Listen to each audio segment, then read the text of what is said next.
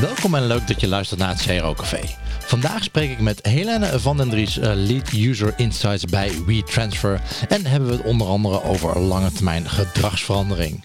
Ik ben Gideon Jansen en welkom in het CRO Café, de podcast waarin ik een kijkje achter de schermen geef bij optimalisatieteams in Nederland en met hun specialisten praat over data en mensgedreven optimalisatie en het neerzetten van een cultuur van experimenteren en valideren. Mocht hem gemist hebben, in de vorige aflevering sprak ik met Lucas Vos van RTL over het optimaliseren van Videoland. Die aflevering kun je terugluisteren via cero.café slash afleveringen of via de app waarin je nu aan het luisteren bent. Deze aflevering van het CRO Café wordt mede mogelijk gemaakt door onze partners Convert.com en Online Dialog. Welkom bij seizoen 2, aflevering 7.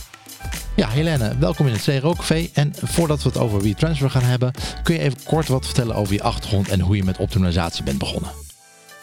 Uh, ja, mijn naam is dus Helene, dat zei je zelf al. Um, en uh, ik ben, werk sinds een jaartje of twee bij WeTransfer. Um, ik heb een achtergrond in de psychologie, dat is ook waar wij elkaar enigszins wel kennen natuurlijk. En uh, ik ben nu sinds twee jaar bezig uh, met UX research bij WeTransfer. En inmiddels ben ik de, de lead user insight, zoals we dat zo mooi noemen. Um, ja, dat, dat is een, een discipline eigenlijk, UX research of user insights. zijn verschillende termen die daarvoor worden gebruikt. Uh, en die zit samen met een andere discipline in één team bij ons. wat het juist ook wel weer heel interessant maakt. En dat team dat heet uh, Insight and Intelligence. Dat is hoe wij het nu noemen. Ja. Uh, en de andere disciplines die daarbij in zitten, dat is uh, Growth and Analytics. Dus um, dat is eigenlijk pas sinds twee maanden, of ja, okay. twee maanden in die situatie. Ja. Maar dat maakt het wel heel interessant. Ja, en uh, ja, WeTransfer, ik denk dat de meeste mensen het wel uh, zullen kennen. Uh, bedoel, het, is natuurlijk ook een Nederlands bedrijf. gestart in 2009 als ja, file sharing service. maar inmiddels doen jullie wel wat meer, toch? Dan alleen maar een bestandje uploaden en een linkje versturen. Klopt, ja. Um, we zijn sinds de zomer van 2018 een bedrijf met zes producten. Ja. Uh, dat weten de meeste mensen niet. Inderdaad, zeker in Nederland kennen mensen WeTransfer.nl, WeTransfer.com. Um, en dat zijn eigenlijk allemaal producten die um, uh, nog steeds gericht zijn op de creatieve, um, ja, de, de creative audience, zoals wij het zeggen. Ja. Maar allemaal op een eigen manier. Dus we, we zien het eigenlijk als één grote set van tools. Uh, en onze, onze idee daarachter is eigenlijk tools to move ideas. Dus iedere tool um, helpt je op een andere manier in je creatieve proces om je idee een stukje verder te brengen. En WeTransfer past daar natuurlijk aan het einde heel mooi in. Uh, als je echt je final ja. uh, bestanden klaar hebt, dat je die over de schutting gooit. Precies. Wat, wat voor andere specifieke tools kun je dan nog, uh, do, hebben jullie nog meer dan? Los van file sharing? Ja, we hebben bijvoorbeeld een tool die heet Collect. Dat is eigenlijk een tool die je helpt om je visuele referenties om een wat, op een wat nettere manier uh, bij elkaar te houden. Dat is begonnen op mobiel. Dat je daar natuurlijk zag dat alle content in verschillende apps zit, dus in verschillende silo's. Um, en we dachten dat dat beter kon. Um, dus de, eigenlijk, het wordt ook wel een, uh, een peaceful Pinterest genoemd, omdat we natuurlijk geen stream of content daarin proppen. Maar je hebt wel uh, de mogelijkheid om vanuit alle, al die silo's eigenlijk je eigen stroom van referenties te creëren. Oké. Okay. Ja. En uh, ja, hoe, hoe ziet, hoe ziet uh, User Insights er bij WeTransfer uit? Wat, wat doe je allemaal? nou ja, veel. Nee. we hebben een structuur waarbij um, we eigenlijk op, met alle productteams samenwerken. Ja. En daarnaast werken we ook nog met andere afdelingen zoals marketing. Um, we hebben natuurlijk veel advertenties, dus ad sales. Um, maar ook een creative studio. Dus eigenlijk is dat heel erg breed. Uh, en samen met dat hele grote team dat Insights and Intelligence heet, proberen we eigenlijk een constante ja, user focus en um, uh, data-driven approach neer te zetten. Oké, okay. en, en uh, voorzie jij dan de productteams gewoon uh, actief van informatie? Of, of is het meer dat de productteams een vraag hebben die bij jou neerleggen en jij mag het uitzoeken? Nee, we, dat is echt een, een bijna een filosofie zou ik het willen noemen. Maar we vinden het heel belangrijk dat de mensen in die teams zitten. Dus echt embedded zijn. Ja. omdat het zijn natuurlijk twee hele jonge disciplines, zowel data analytics, data science als user experience research. Dus wat je ziet, ook al weet iedereen er wel het een en ander van, um, het is toch nog voor hè, wel, wat voor soort vragen kunnen we nou beantwoorden? Uh, wanneer kan het nou behul behulpzaam zijn? Dat zijn gewoon die niet iedereen al kan beantwoorden. Dus het helpt enorm om daar een soort van proactieve drijvende kracht in te zijn.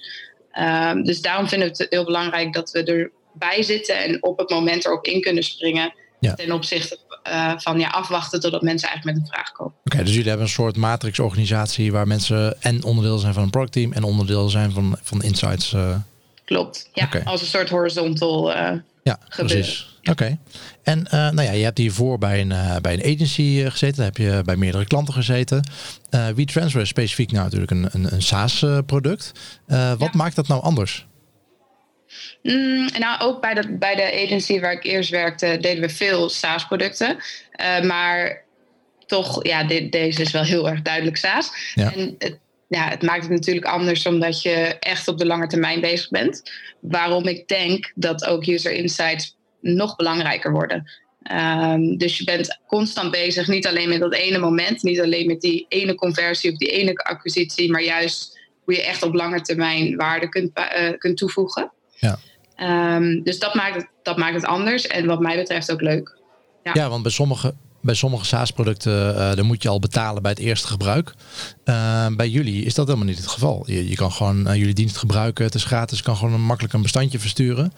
Um, en daar verdienen jullie niks aan. Behalve de advertentie die op de achtergrond staat. Maar specifiek die gebruiker, daar verdien je natuurlijk niks aan. Um, dus waar, waar optimaliseer je voor? Wat voor doelen hebben jullie? Um, nou ja, de doelen die verschillen enorm per product. Maar als we het echt over retransfer hebben, uh, dan ja, dat klopt. Uh, je kunt bij ons voor een heel groot gedeelte eigenlijk gewoon gebruik maken van de free service. Um, en dat doet al ontzettend veel. Dus natuurlijk denken wij zelf ook wel eens van, hey, geven we daar niet mee al, hè, snij je jezelf niet bijna in de vingers. Ja. Um, maar het is tegelijkertijd ook weer een soort filosofie, omdat je uh, daarmee kunt bewijzen dat je product waarde heeft, misschien over de langere termijn. En vervolgens een meer waardevolle conversie kunt maken naar het, naar het uh, betaalde product. WeTransfer ja. Pro heet dat. Um, en waar we voor optimaliseren is in, in dat geval natuurlijk uh, retentie uiteindelijk. Um, dus ja, er zijn altijd verschillende doelen, maar dat is gewoon ontzettend belangrijk in producten zoals deze. en dat is ook wel heel dat vond ik in ieder geval een heel leuk voorbeeld uh, van hoe dan de user insights en bijvoorbeeld um, uh, pricing optimalisatie samenwerken. Uh, want als je kijkt naar de audience van Pro, dus de mensen die dat vooral veel gebruiken, dat zijn heel veel freelancers, of in ieder geval kleine studio's, bureautjes. Ja. Um, en wij zaten te kijken van, goh, klopt die pricing wel met wat zij doen? Want we weten natuurlijk allemaal dat freelancers af en toe uh, wat minder werk hebben en dan weer wat meer werk hebben. Ja. Um, dus als we op dat moment gewoon pricing optimalisatie misschien met hè, iets goedkoper, iets duurder, et cetera, waren gaan doen, had dat zeker um, iets kunnen brengen. Maar ik denk dat het ook wel interessant is om de discussie te veranderen en te kijken van hé, hey, moeten we niet een meer flexibele pricing model hanteren uh, in plaats van alleen een, een verschillende prijs.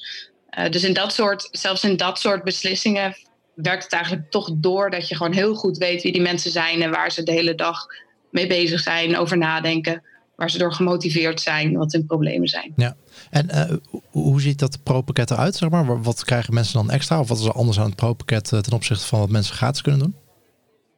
Uh, dat is de, de, de grootste, de duidelijkste is dat je gewoon grotere bestanden kunt sturen.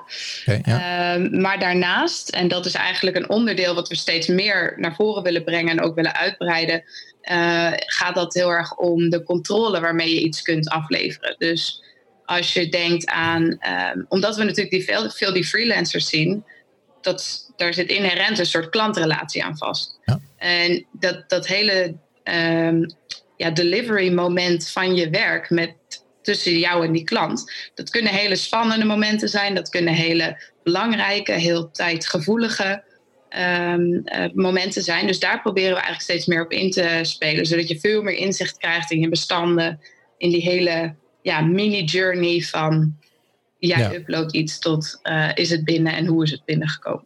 Oké. Is dat dan ook, is, is de, de file size in eerste instantie ook de belangrijkste trigger voor mensen om naar een pro te gaan? Ja, dat is heel interessant. Uh, dat is het zeker. Of het is in ieder geval de reden waarom mensen aangeven pro te kopen. Ja. Een andere grote reden is het feit dat je je profiel, dus je, hè, waarmee je bestanden verstuurt, dat kun je helemaal uh, customizen. Nou, omdat we natuurlijk in de creatieve sector zitten, is dat interessant. Dus je kunt een video wallpaper als achtergrond doen of een foto. Maar zeker zie je vooral dat de, de grotere bestanden ja, de allergrootste is, de allergrootste reden is waarom mensen uh, pro kopen. Wat daarnaast dan weer interessant is, is dat we zien dat er helemaal niet zoveel um, grote bestanden worden verstuurd. Of in ieder geval de size waar je pro voor nodig hebt. Dus het is ook heel interessant om te zien dat de reden waarom iemand iets aanschaft anders is dan de reden waarom iemand blijft. Ja. Uh, en dat is natuurlijk voor ons ook de kunst om de reden waarom iemand blijft eerder in dat proces duidelijker te maken. Ja. Uh, zodat dat een extra ja, plus wordt. Ja, ik kan me ook voorstellen. Ik bedoel, als je altijd retransfer gebruikt, die wil ook een soort consistentie in je workflow natuurlijk. Uh, en al is dat maar één of twee keer per maand dat je, dat je een, een te groot bestand hebt daarvoor, wil je eigenlijk je workflow niet voor wijzigen. Dus ik kan me wel voorstellen dat dat interessant is voor bedrijven. Omdat zelfs als, je, als het volume laag is qua, qua grote bestanden, om toch, uh, om toch dat vast te houden. Precies, ja. Op een gegeven moment gaat het dan zo goed bevallen door die eigenlijk de manier waarop de tool is gedesigned ja. Uh, en ingericht, dat, dat ook al die kleine bestandjes daardoorheen gaan, inderdaad. Online Dialog is al tien jaar een toonaangevend CRO-bureau waar mensen, kwaliteit en kennisoverdracht centraal staan. Ze zijn een specialist omdat ze zich alleen richten op optimalisatie en klantgedrag. Het team zorgt voor online groei en waardevolle inzichten in je bezoekers en optimaliseren samen met jou de verschillende onderdelen van je CRO-programma, zoals websites, sales funnels en customer journeys. Voor meer info ga je naar onlinedialog.nl. En uh, hoe gaat je had het er net al over, uh, het gaat heel erg uh, over retentie en over lange termijn benefits. Um, ja, hoe ga je daarmee om met onderzoek? Hoe, hoe bewijs je dat iets inderdaad werkt op de lange termijn? Ja, dat is echt de vraag natuurlijk. um, ik denk dat wij niet in, in UX research alleen kunnen bewijzen dat iets werkt op de lange termijn. Um, maar ik denk dat de grootste crux daar is om te focussen op het probleem. Dus ik denk dat de meeste mensen toch nog met UX research dan denken aan usability testing en onderzoek wat enorm met de interface te maken heeft. Ja. Ik denk dat wat wij hier doen veel meer gefocust is op de context. Dus inderdaad, wie is die freelancer? Hoe ziet zijn werk eruit? Wat doet hij als hij weinig werk heeft? Et cetera. Uh, en dat kan soms heel erg abstract en als ver van je bedshow klinken. Maar op het moment dat wij die context begrijpen en de problemen daarbinnen, en die kunnen valideren, dus ja. echt kunnen zeggen, zoveel mensen hebben dit probleem gewoon, dan is het alleen nog aan ons om daar de goede oplossing voor te maken, designen, bouwen. Ja. Uh, en ik denk, en daar komt vervolgens je validatie natuurlijk um, uh, ja. Ja, weer naar voren. Dus dan ga je AB testen, et cetera, experimenteren. Uh, maar zolang we maar heel zeker zijn over het probleem, dan komt ja, het goede product daarna. Dat is eigenlijk onze, onze lange termijn kijk daarop. Ja, precies. En uh, wat heeft je, nou je doet veel gebruiksonderzoek. Wat heeft tot nu toe het meest verbaasd qua, qua gedrag wat je ziet uh, op, op jullie website? Um, dat is denk ik vooral de enorme sterkte van een uh, merkperceptie. Dus WeTransfer, en zeker okay, ja. in Nederland, is natuurlijk vrij bekend. Ja. Dus anders als we naar de US kijken of andere markten. Um, maar op het moment dat je dus iets nieuws probeert te doen, zoals Collect, of we hebben nu ook producten paper en paste. Um, en mensen zien daarbij WeTransfer, of mm -hmm. komen er bijvoorbeeld via WeTransfer in door een productintegratie. Ja. Dan, nou, dat is al voorgeprogrammeerd op grote bestanden. Uh, en dat is zo moeilijk om mensen van af te brengen. Je kunt het bijna letterlijk in hun gezicht uh, eh, gewoon laten lezen. En ja. toch landt het nog niet. Van ja, maar WeTransfer is toch sturen? Waarom kan ik dan hier ja. mijn ah, grappig. sturen? Ja. Dus je staat eigenlijk al met 1-0 achter doordat je een bekend merk hebt, maar dat merk is zo well defined, zeg maar, of narrow defined, uh, dat mensen daar een probleem mee hebben. Ja, het is dubbel, want je staat ook met 1-0 voor, omdat je al een enorme gebruikersgroep hebt die je kunt, uh, ja, ja, waar je gebruik van kunt maken. Maar je staat ook met 1-0 achter, omdat je vervolgens dubbel zo hard je best moet doen. En daar heb je maar, nou, we weten het allemaal, één of twee regels of hè, andere dingen voor om dat goed duidelijk te maken. En dat is wel een veel grotere challenge dan ik misschien ooit had verwacht. Ja, grappig. Dat, uh, ja, ja. En um, uh, nou ja, je hebt ook psychologie gedaan. Hoe, hoe, gebruik je psychologie nog steeds? Bedoel, met gebruikersonderzoek, dat is natuurlijk iets wat we, wat we hebben geleerd op de universiteit. Uh, maar wat zijn de dingen waar je nog het meest aan hebt? Um, dat zijn toch wel biases, dus heuristieken. heel goed begrijpen waarom dus datgene wat mensen zeggen niet altijd datgene is wat mensen doen. Ja. Uh, waarom we ook zo erg op die probleemvalidatie focussen en niet op wil je dit of hè, hoeveel wil je hiervoor betalen, dat soort dingen. Ja. Um, dus heel goed begrijpen hoe mensen reageren en daardoor beter dichter bij de waarheid kunnen komen, om het zo maar te zeggen. Mm -hmm. En daarnaast gewoon, uh, ja, misschien iets, iets droger, maar statistiek. Dus um, ja ja, wanneer is iets voldoende, wanneer is iets betrouwbaar, valide. Uh, dat helpt ook enorm in de samenwerking met onze um, ja, collega's data scientists en uh, data ja. analysts. Ja. het verbaasde mij altijd wel dat we bij psychologie uh, veel meer statistiek kregen dan bijvoorbeeld bij geneeskunde. Ik dacht van, die zitten, ja. die zitten ook heel veel in, in papers te kijken. Ehm, maar die kregen veel minder. Misschien is dat inmiddels veranderd, ja. maar... En ik denk dat het me in mijn carrière tot nu toe toch verbaasd heeft hoe, um, hoe sterk psychologie daarin een stempel drukt op de manier waarop je denkt. Dus uh, inderdaad altijd in die twee groepen denken en gewoon echt een goed experimenteel design van een, van een onderzoek. Ja. Ook al is dat hier in WeTransfer en waarschijnlijk in alle bedrijven veel meer toegepast en kun je niet altijd alle wetenschappelijke regels halen. Het is zo goed om op die manier te kunnen nadenken over een probleem. Dus dat, dat vind ik heel waardevol eigenlijk. Ja, ja, een groot deel van de studie, niet alleen inderdaad statistiek, maar ook de methodes die je gebruikt, uh, hoe je vragenlijsten opstelt, zeg maar, allemaal dat soort dingen. Uh, die komen dan, uh, komen dan inderdaad voorbij. Ja, het heeft, ik denk dat het bij mij wel tien jaar geduurd heeft voordat ik dacht van oké, okay, ja, nu heb ik echt wat gehad aan die statistiek. um, dat duurde even. maar het heeft inderdaad ook wel, um, of tenminste, voordat ik het bewust was, zeg maar. ik denk dat je daar, ja. daarvoor ook wel Um, gewoon omdat je die denkwijze hebt aangeleerd, dat je daar wel wat aan hebt. En ik vind het soms best wel lastig om, om dat soort dingen dan uit te leggen. Als ik een AB-test heb gedaan, of als mensen naar data zitten kijken, dat, dat, um, dat een gemiddelde niet zoveel zegt. En dat je dan moet uitleggen, ja, maar wat is dan wat is de standaarddeviatie? Um, dat, dat je, nou, dan krijg je al blikken, dan wordt het al lastig, zeg maar. Um, en dat, dat is soms wel lastig om, dat, om daarmee om te gaan. En ja, dat te vertalen naar mensen die daar niet zo'n uh, niet zo ervaring mee hebben. Ja, precies. Heb je, dat, heb je een tip voor me? Oeh, dat weet ik niet. Nee, ik denk niet dat ik een tip heb, maar ik had wel precies hetzelfde in de zin dat uh, ik denk dat uh, veel psychologen afstuderen en zoiets hebben van ja, maar wat kan ik nu echt? Ja.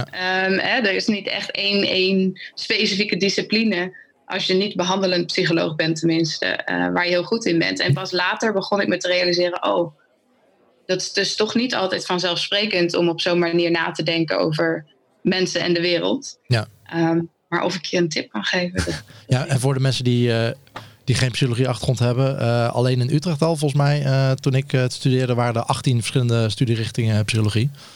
Um, zullen er vast niet minder geworden zijn in de tussentijd. Dat denk ik ook niet. Maar dat is inderdaad, er zijn heel veel kanten waarmee waarmee je op kan. Hey, even terug naar WeTransfer. Jullie zijn over de hele wereld actief. Um, zie je veel regionale verschillen? En, en hoe gaan jullie daar dan mee om? Want als ik naar jullie website kijk, nou, het is super simpel. Um, uh, very straightforward. Um, passen jullie daar dingen in aan of hoe ga je daarmee om? Um, nee, dat is eigenlijk het korte antwoord. Dat is natuurlijk niet helemaal waar. We zijn natuurlijk best wel bewust van vers culturele verschillen.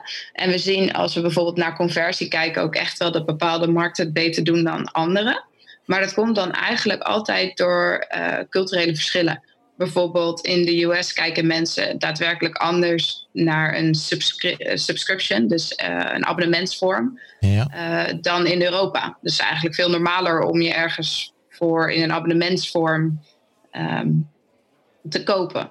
Uh, en, en, dus dat zien we. In, in de VS is dat normaler? Ja, dus dat zien we ook in de conversie. En helemaal als het dan voor producten, als het producten betreft die in je werk te gebruiken zijn, dan is het veel normaler om daarvoor te betalen op een abonnementsbasis. Ja. Uh, dus dat zien we ook zeker. Maar dat zijn natuurlijk niet zomaar dingen die je kunt beïnvloeden. Um, en ja, je hebt gelijk. Het is zeker als je naar het WeTransfer product kijkt, dat is vrij straightforward. Zeker in free. Als we naar de betaalde service gaan, dan wordt het al wat um, genuanceerder en wat ingewikkelder. Ja. Um, maar het moet nog steeds simpel blijven, daar houden we van. Uh, maar dan kijken we eigenlijk vooral naar de context waar die mensen zich in bevinden. Dus inderdaad, hoe er in dat land naar uh, subscription services wordt gekeken. Of uh, we zien bijvoorbeeld ook dat um, uh, misuse, dus bijvoorbeeld phishing, ook meer uit bepaalde landen komt. Dan kun je ook afvragen, hoe, hoe komt dat nou? Um, dat kan zelfs ook te maken hebben met het feit dat ze daar heel anders tegen copyright aankijken, ja. bijvoorbeeld. dan wij dat hier in Nederland doen. Dus er zijn wel verschillen. Maar ze zijn niet zo beïnvloedbaar dat wij ons product er actief naar um, uh, aanpassen. Ja, oké. En uh, ja, dat is natuurlijk lastig. En dat is, dat is voor iedereen de afweging met je product of dienst. Uh, zelfs als je afwijkingen hebt. Um, je kan niet voor elk land een afwijking op je website maken waarschijnlijk. Dat elke afwijking kost weer... Nou, je moet weer extra content schrijven. Uh, of extra design um, uh, maken en dat allemaal weer onderhouden. Dat kost allemaal geld. En dat is altijd de lastige afweging van ga ik dat wel doen of ga ik dat niet doen. Precies, en, en de dingen die wij daarin zien, daarvan verwachten we dat het gewoon niet de moeite waard is om die moeite ja. te nemen en erin te stoppen. Werk je aan een front-end AB-test en heb je ook last van de bekende flikkeringen in je variaties? Dit kan natuurlijk je testresultaten beïnvloeden en een positief testresultaat neutraliseren. Probeer Convert.com's AB-testing software die Smart Insert technologie gebruikt en die flikkeringen voorkomt.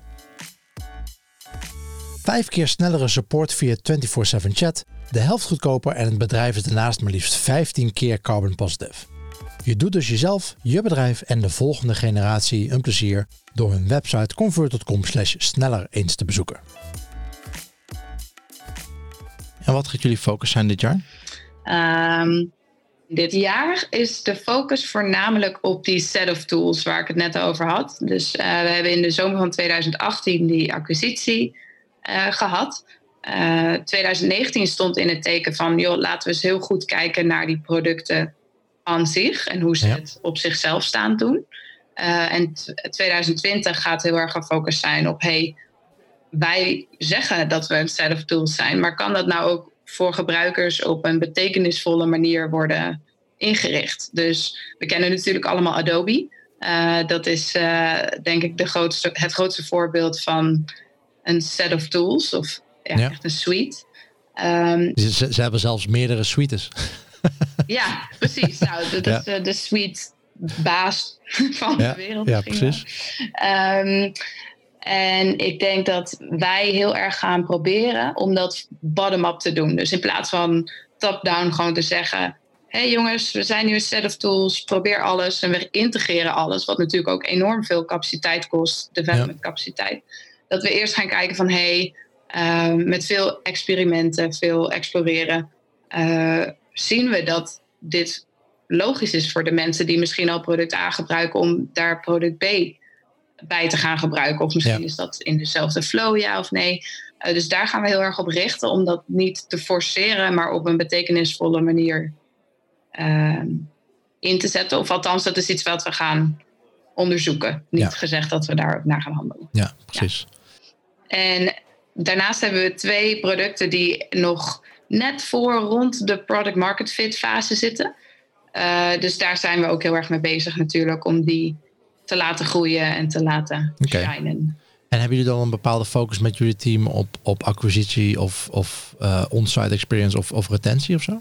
Ja, dat verschilt dus heel erg per product. Ieder product heeft zijn eigen metrics, zijn ja. eigen KPI's. Bij die, die emerging products waar ik het net over had, uh, is dat bijvoorbeeld de product market fit score. Daar hebben we een soort score voor die we gebruiken om uh, um, ja, te bepalen hoe ver of dichtbij uh, uh, ja, van die product market fit zijn. Um, en voor anderen zal dat inderdaad retentie zijn. Dus dat verschilt heel erg per product en in welke fase een product ja. zich bevindt. Dus dat is ontzettend uh, ja, handmatig ja, eigenlijk. Het is niet dat we overal dezelfde KPI's hanteren. En, en voor WeTransfer, daar ben ik eigenlijk wel benieuwd naar. Heb je, we hadden het net al even over, oké, wat, wat zorgt ervoor dat mensen het Pro-product gaan gebruiken? Dat is vooral het versturen van grote bestanden. Ehm, heb je ook al een gevoel bij wat, wat ervoor zorgt dat mensen klant blijven? Je zei dat dat verandert iets. Um, wat zijn dat dan voor triggers, zeg maar? Wat, wat vinden mensen belangrijk?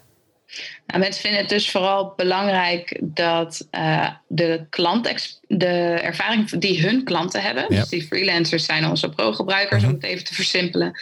Uh, en hun klanten hebben eigenlijk de makkelijkste experience die er misschien wel in dit veld bestaat. Althans, dat is hoe zij het beleven en beschrijven. Uh, dus daar proberen we, daar gaan we ook nog meer op inzetten. Kijken wat we daar nog beter kunnen doen. Uh, het moet zo straightforward blijven, ook aan de klantkant. Ik denk dat het een van de weinige tools op dit moment nog is waar je zo simpel eigenlijk in terecht kunt zonder accounts, ja. et cetera. Um, en daarnaast is het die controle. Dus als ik jou iets stuur, weet ik dan dat je het hebt geopend, hebt gezien. wanneer zijn er misschien nog andere mensen geweest die dat hebben gedaan? dus dat wij die freelancers eigenlijk nog meer in um, de positie brengen dat ze gewoon daar niet meer over hoeven na te denken. Het kost geen extra e-mailtje meer van hey, hoe zit het daarmee? Uh, dus dat zijn de factoren die heel erg blijven en die willen we ook ja, vergroten. Oké. En nou, je had het net al even over. Um, uh, we hadden het net over dat het best lastig is om uitzonderingen te maken op de, op de website als je wat, uh, wat vindt, zeg maar, specifiek met culturele verschillen. Um, loop je daar vaak tegen aan dat je dat ofwel brand of techniek zegt van ja, maar dan gaan we geen uitzondering voor maken. Ik kan me voorstellen dat jullie zeker zo'n simpele dienst, zeg maar. Um, of tenminste, het backend is alles behalve simpel, maar ik bedoel, ja, dus, jullie frontend is super simpel natuurlijk. dat, is, dat is al een hele uitdaging om dat zo voor elkaar te krijgen. Ik kan me voorstellen dat het, dat het elke keer, dat als je daar wat met een advies komt of een, of een, een finding komt, dat het soms wat lastig kan zijn om daar wat om dat doorgevoerd te krijgen. Juist omdat het zo, zo klein is. Ja, um, ik moet zeggen dat op zich iedereen wel heel uh, welwillend is om daar iets mee te doen, mochten we er een goede case voor kunnen maken. En ik denk dat het vooral daaraan ontbreekt. Het is niet zozeer van gaan we niet doen, uh, zijn we niet voor in.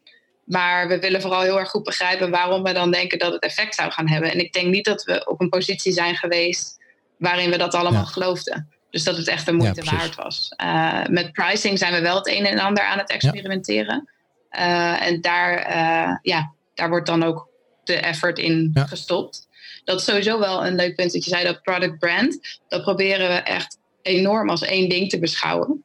Zeker als digitaal product heb je gewoon, ja, je interface is je ja. brand. Je kunt eigenlijk door je interface laten zien waar je voor staat, hoe je bent. En de brand values komen daar bijna automatisch uitgestijpeld, ja. om het zo maar te zeggen. Uh, dus zo proberen wij dat ook enorm te benaderen als je het hebt over product marketing, uh, product development, alles ja, eigenlijk. Je product is gewoon je brand. Ja, steeds meer. Ja, zouden meer bedrijven aan moeten houden. ja, precies. hey Helene, hartstikke leuk. Dankjewel. Geen probleem. Volgens mij zijn we mooi op tijd. Volgens mij ook. hartstikke goed. Dan uh, word ik niet uit mijn uh, ruimte gekikt. ja, dat is altijd fijn. Hey, hartstikke goed, dankjewel. Geen probleem. En uh, laten we elkaar snel spreken. Ja, dat is goed. Dankjewel. Fijne dag nog. Doei, okay, doei. doei. Dit was seizoen 2, aflevering 7 van het Café met Helene van den Dries van WeTransfer. Het kan je niet zijn ontgaan dat we ook podcastpartners hebben. Wil je jouw product of dienst nou promoten bij de leukste CRO-specialisten van Nederland? Neem dan een kijkje op cro.café partner voor de mogelijkheden. Volgende week spreek ik met Business Analytics Consultant Jan Broijmans. Hij heeft enkele leuke cases meegenomen die we gaan doornemen. En mocht je daar niet op kunnen wachten, dan kun je altijd nog enkele bonusafleveringen verwachten. Die zijn opgenomen op het Marketing Insights Event en de Emerge Google Analytics User Conference. Tot dan en always be optimizing.